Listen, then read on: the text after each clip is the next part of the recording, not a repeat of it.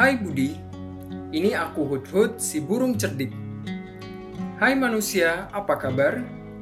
Sebelumnya, sudah ada penguin dan elang dari bangsa burung yang telah menceritakan kepadamu tentang berbagai macam kekuasaan Allah yang ada dalam ciptaannya dan juga tentang berbagai hal mengagumkan yang termanifestasi dalam tubuh-tubuh ciptaannya yang indah dan penuh hikmah. Seharusnya aku menjadi burung pertama yang bercerita tentang hal itu, dikarenakan aku adalah salah satu burung yang disebutkan Allah dalam Al-Quran bersama kisah Nabi Sulaiman alaihissalam berikut. Dan dia memeriksa burung-burung lalu berkata, Mengapa aku tidak melihat hutut? Apakah ia termasuk yang tidak hadir? Pasti akan kuhukum dia dengan hukuman yang berat atau kusembelih, kecuali jika dia datang kepadaku dengan alasan yang jelas. Maka tidak lama kemudian datanglah Hudhud, lalu berkata, Aku telah mengetahui sesuatu yang belum engkau ketahui. Aku datang kepadamu dari negeri Sabah membawa suatu berita yang meyakinkan Sungguh kudapati ada seorang perempuan yang memerintah mereka dan dia dianugerahi segala sesuatu serta memiliki singgasana yang besar. Aku, Hudhud, mendapatinya dan kaumnya menyembah matahari bukan kepada Allah. Dan setan telah menjadikannya indah bagi mereka perbuatan-perbuatan buruk tersebut, sehingga menghalangi mereka dari jalan Allah. Karenanya mereka tidak mendapat petunjuk mereka juga tidak menyembah Allah yang mengeluarkan apa yang terpendam di langit dan di bumi, dan yang mengetahui apa yang kamu sembunyikan dan yang kamu nyatakan. Allah tidak ada Tuhan yang berhak disembah melainkannya, Tuhan yang mempunyai ars yang agung. Dia Sulaiman berkata, akan kami lihat apa kamu benar atau termasuk yang berdusta.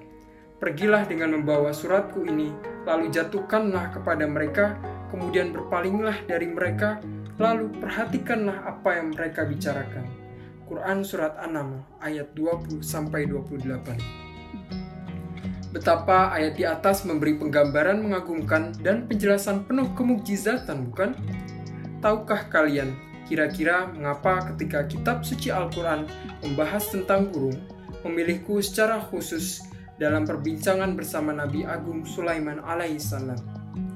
Selama kita mengimani bahwa Allah memiliki hikmah terhadap segala sesuatu, maka kita wajib mentafakuri dan mentadaburi ayat-ayat ini dan menyimpulkan berbagai sisi yang berhubungan dengan masa sekarang dan masa yang akan datang. Bila kita perhatikan lebih mendalam, aku menggunakan ungkapan mentafakuri. Ya, hal itu karena hukum-hukum yang qati atau pasti bisa menjadi tirai bagi kita untuk dapat sampai pada pengetahuan yang lebih sahih dan teliti, sebagaimana pula hukum-hukum ini dapat menjadi sebab bagi keterperdayaan kita dengan masih dangkalnya keilmuan yang kita miliki. Oleh karena seiring berjalannya waktu, akan terjelaskan bahwa Al-Quran yang keseluruhan ayat-ayatnya penuh kemukjizatan itu mengisyaratkan ilmu pengetahuan dan pengungkapan-pengungkapan baru yang lebih teliti serta lebih terkait pada kenyataan. Maka itu berarti aku telah menempatkan diriku pada situasi yang rumit, karena telah memutlakkan sebuah hukum yang kot'i tersebut.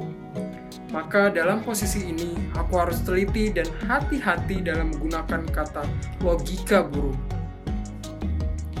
Logika burung merupakan istilah yang terdapat di awalan ayat di atas.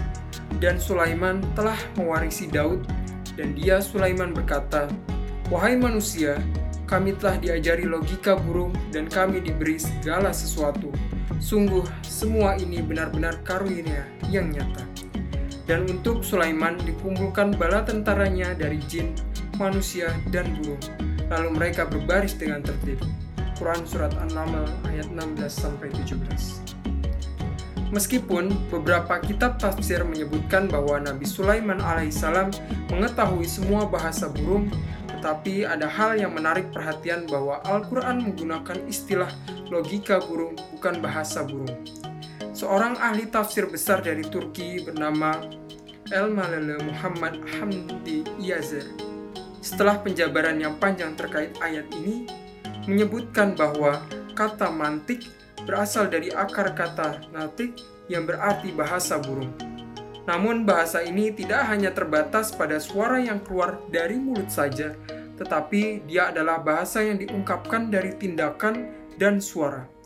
Beliau lalu menambahkan pemahaman ini dengan berkata, Sesungguhnya pengetahuan Nabi Sulaiman alaihissalam terdapat bahasa burung tidak hanya terbatas pada tindakan dan suara semata, tetapi jauh melampaui logika yang membentuk dasar perasaan tersebut. Pemahaman ini secara hakikat tidak terbatas pada Nabi Sulaiman alaihissalam seorang. Kita sebagai manusia biasa pun dibekali dengan pemahaman dan kecakapan terhadapnya dengan syarat mempelajarinya secara benar dan menelitinya dengan kesungguhan yang konsisten. Logika burung Dengan logika burung yang kumiliki, aku dapat menyampaikan beberapa makna berikut ini dari berbagai sisi yang kupahami dari ungkapan dan analisis. Pertama, terdapat fokus pada pembahasan masalah terbang. Ia merupakan perkara yang membutuhkan pendalaman ilmu dan ketelitian dalam pembelajaran dan penelitian. Dan Nabi Sulaiman alaihissalam dianugerahi ilmu dasar mekanika yang membuatnya bisa terbang. Dan diketahui pula kemampuan angin yang dapat mengangkat sesuatu di udara, serta keistimewaan fisiologi dan anatomi yang berperan penting dalam penerbangan dan pengambangan di udara. Kedua, aku meyakinkan bahwa ayat dan kami diberi segala sesuatu, mengisyaratkan pada pentingnya kekayaan sebuah negara yang melimpah, Keberadaan burung dalam pasukan Nabi Sulaiman alaihissalam bersama manusia menarik perhatian pada kekuatan angkatan udara. Kalian semua pasti tahu betapa pentingnya pengawasan dari udara dan pergerakan yang cepat guna upaya pengintaian dan penyelidikan. Sedangkan bagian yang berhubungan denganku pada firman Allah dan dia memeriksa burung-burung mungkin dapat kita pahami bahwa seorang negarawan haruslah mengawasi pasukannya dan keseluruhan divisi juga lembaga negara hingga pada individu-individu terkecilnya. Aku sangat takjub ketika membaca firman-Nya yang berbunyi, "Ya Sulaiman lalu berkata, "Mengapa aku tidak melihat Hudhud? Apakah ia termasuk yang tidak hadir?" Bagaimana mungkin Nabi Sulaiman alaihissalam mengetahui setiap orang dari pasukannya yang banyak itu dengan penuh ketelitian? Dan bagaimana bisa beliau memperhatikan ketidakhadiran kakek moyangku, Hudhud? Dengan satu pandangan saja di antara pasukan yang besar itu, bisa jadi Nabi Sulaiman alaihissalam berniat untuk memberikan tugas kepada kakek moyangku itu dan ketika merasa dirinya tidak ada, beliau lalu menanyakan perihal ketiadaannya. Dan bisa jadi, Nabi Sulaiman alaihissalam mengetahui bahwa Allah telah menganugerahinya kemampuan untuk mengungkap tempat yang ada airnya dan ingin menugaskan kakek moyangku untuk mengungkap tempat tersebut sebagaimana yang disampaikan oleh Imam Tabari dan Imam Baidawi dari ulama tafsir bahwa Nabi Sulaiman alaihissalam bersama pasukannya tengah beristirahat di sebuah tempat di kota Sana'a, Yaman, dan tidak menemukan air di sana sehingga beliau pun mencari-cari kakek moyangku untuk melacak tempat yang ada sumber airnya. Sekarang, kalian mungkin akan bertanya kepadaku tentang hakikat kemampuanku melacak tempat yang ada airnya. Aku takut bila aku menjawabnya, maka aku akan merusak rahasia taklif dalam hal ini. Kalian manusia memiliki pusat laboratorium, universitas, dan institusi-institusi yang bisa kalian gunakan untuk meneliti dan mencari tahu tentang kemampuanku ini, sehingga kalian dapat sampai pada jawaban yang melegakan dan memuaskan. Namun cukup kukatakan bahwa untuk dapat mencari air dari perut bumi, kalian perlu mempelajari kerangka permukaan bumi dan memerhatikan bentuk regresi lapisannya dari udara terlebih dahulu. Jika kalian bertanya tentang alasan mengapa Nabi Sulaiman alaihissalam memilih kakekku dari sekian banyak burung yang ada, maka kukatakan jawabannya adalah karena ia memiliki kemampuan khusus dalam melacak keberadaan air dari perut bumi. Itu merupakan hal besar yang penting bagi para ilmuwan geologi air. Mereka telah bekerja dengan sungguh-sungguh dalam bidang ini.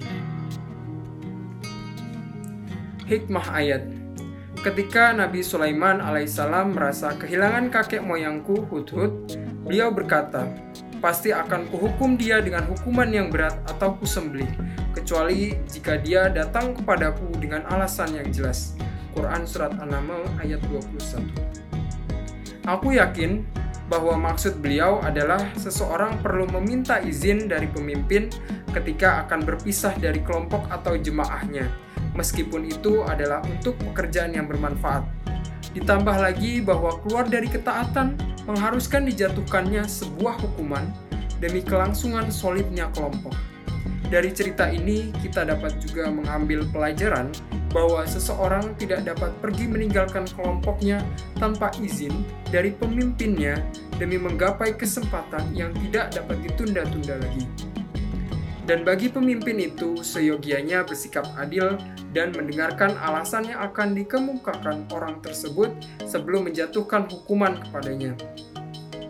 Sedangkan terkait hukuman sembelih, menurut pendapatku mungkin saja akan dilaksanakan saat dilakukan pengkhianatan besar yang membahayakan kelompok secara umum atau yang mengintai kekuatan pasukan seperti mata-mata, penyebaran rahasia pasukan kepada musuh, kabur dari peperangan, dan pengasingan pasukan secara keseluruhan. Dalam riwayat lain dijelaskan bahwa alasan dari ancaman ini adalah karena kakekku dulu kabur dari tugasnya menjadi pengawas. Dalam ayat ke-22 hingga ke-25, kita melihat bahwa kakekku membela dirinya. Ia menjelaskan pada sang pemimpin tentang sebuah topik penting yang telah disaksikannya ketika berada di dalamnya. Di sini juga terdapat banyak pelajaran dan ibrah yang dapat kita bahas bersama. Di awal surat, kita melihat perlakuan adil Nabi Sulaiman alaihissalam kepada rakyatnya setiap orang dapat berbicara kepada beliau dengan leluasa. Dan dengan keadilan ini pula, kakekku mampu berkata, Aku telah mengetahui sesuatu yang belum engkau ketahui. Aku datang kepadamu dari negeri Sabah, membawa suatu berita yang meyakinkan. Quran Surat An-Naml ayat 22 Seolah ia ingin berkata kepada Nabi Sulaiman alaihissalam bahwa meskipun engkau adalah seorang pemimpin negara, tetapi kekuatan dan kekuasaanmu terbatas. Di luar sana ada sebuah negara yang belum tercakup oleh kekuasaanmu dan kamu tidak mengetahui apa-apa tentangnya. Aku menemukan sebuah negara bernama Sabah dan aku menyelidiki tentangnya sehingga aku mendapatkan informasi pasti yang kubawa padamu. Dalam hal ini, sebuah informasi yang dibawa pada negara harus terbebas dari keraguan. Sebagaimana kita melihat bahwa ketika kakekku berusaha menarik perhatian Nabi Sulaiman alaihissalam dengan menceritakan tentang kekayaan dan limpahan harta Ratu Sabah bernama Bilqis yang meliputi singgasana dan kemegahannya, tapi Nabi Sulaiman alaihissalam sama sekali tidak menunjukkan ketertarikan.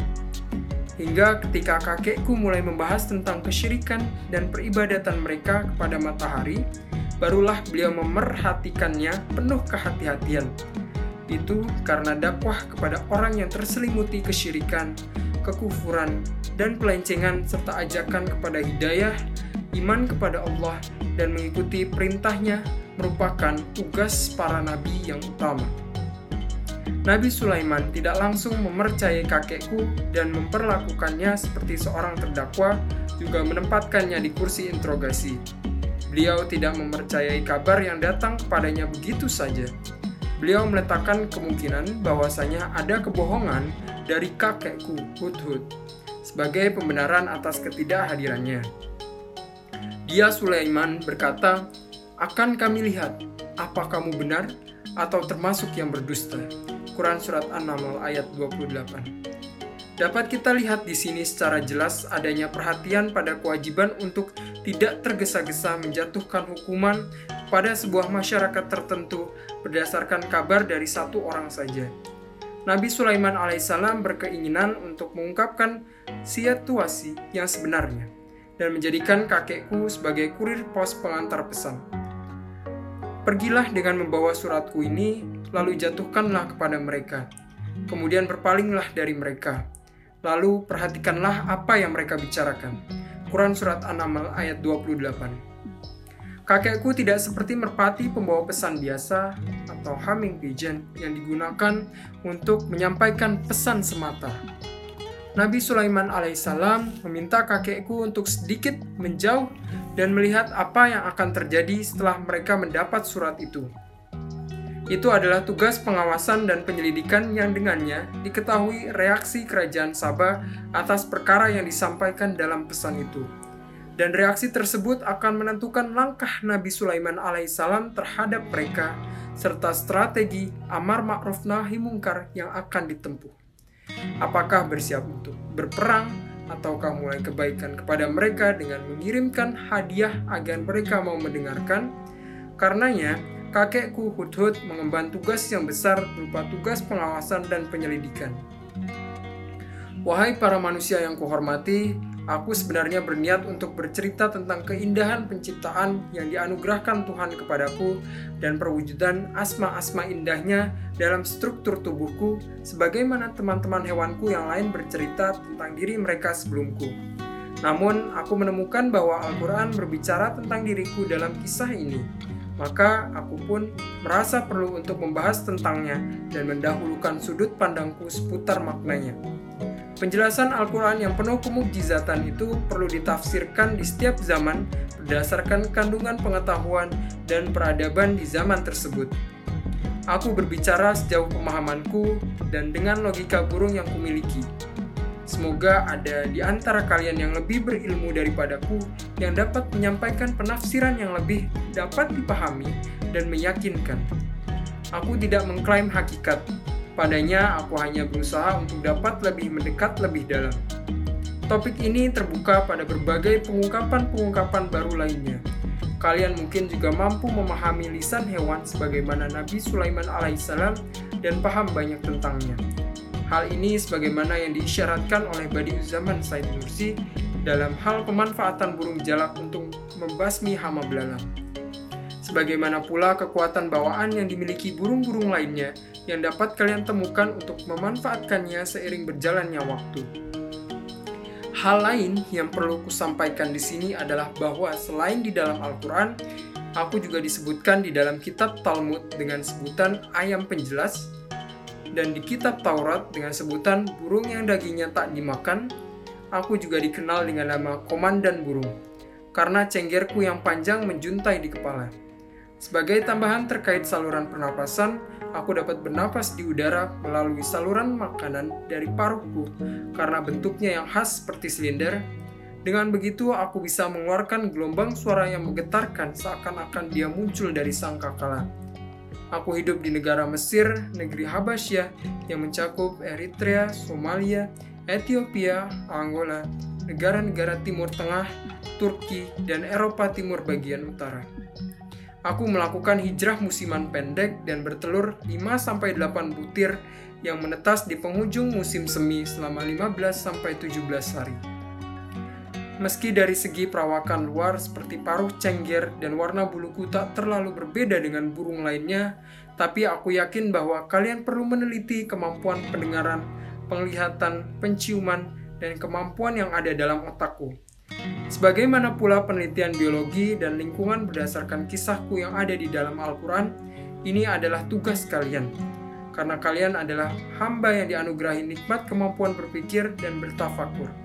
Karenanya kalian perlu merenungkan hikmah dari penyebutanku di dalam Al-Quran dan menghayati ciptaan Allah yang ada di langit dan di bumi, serta dalam kitab semesta yang terhampar luas di depan mata kalian semua.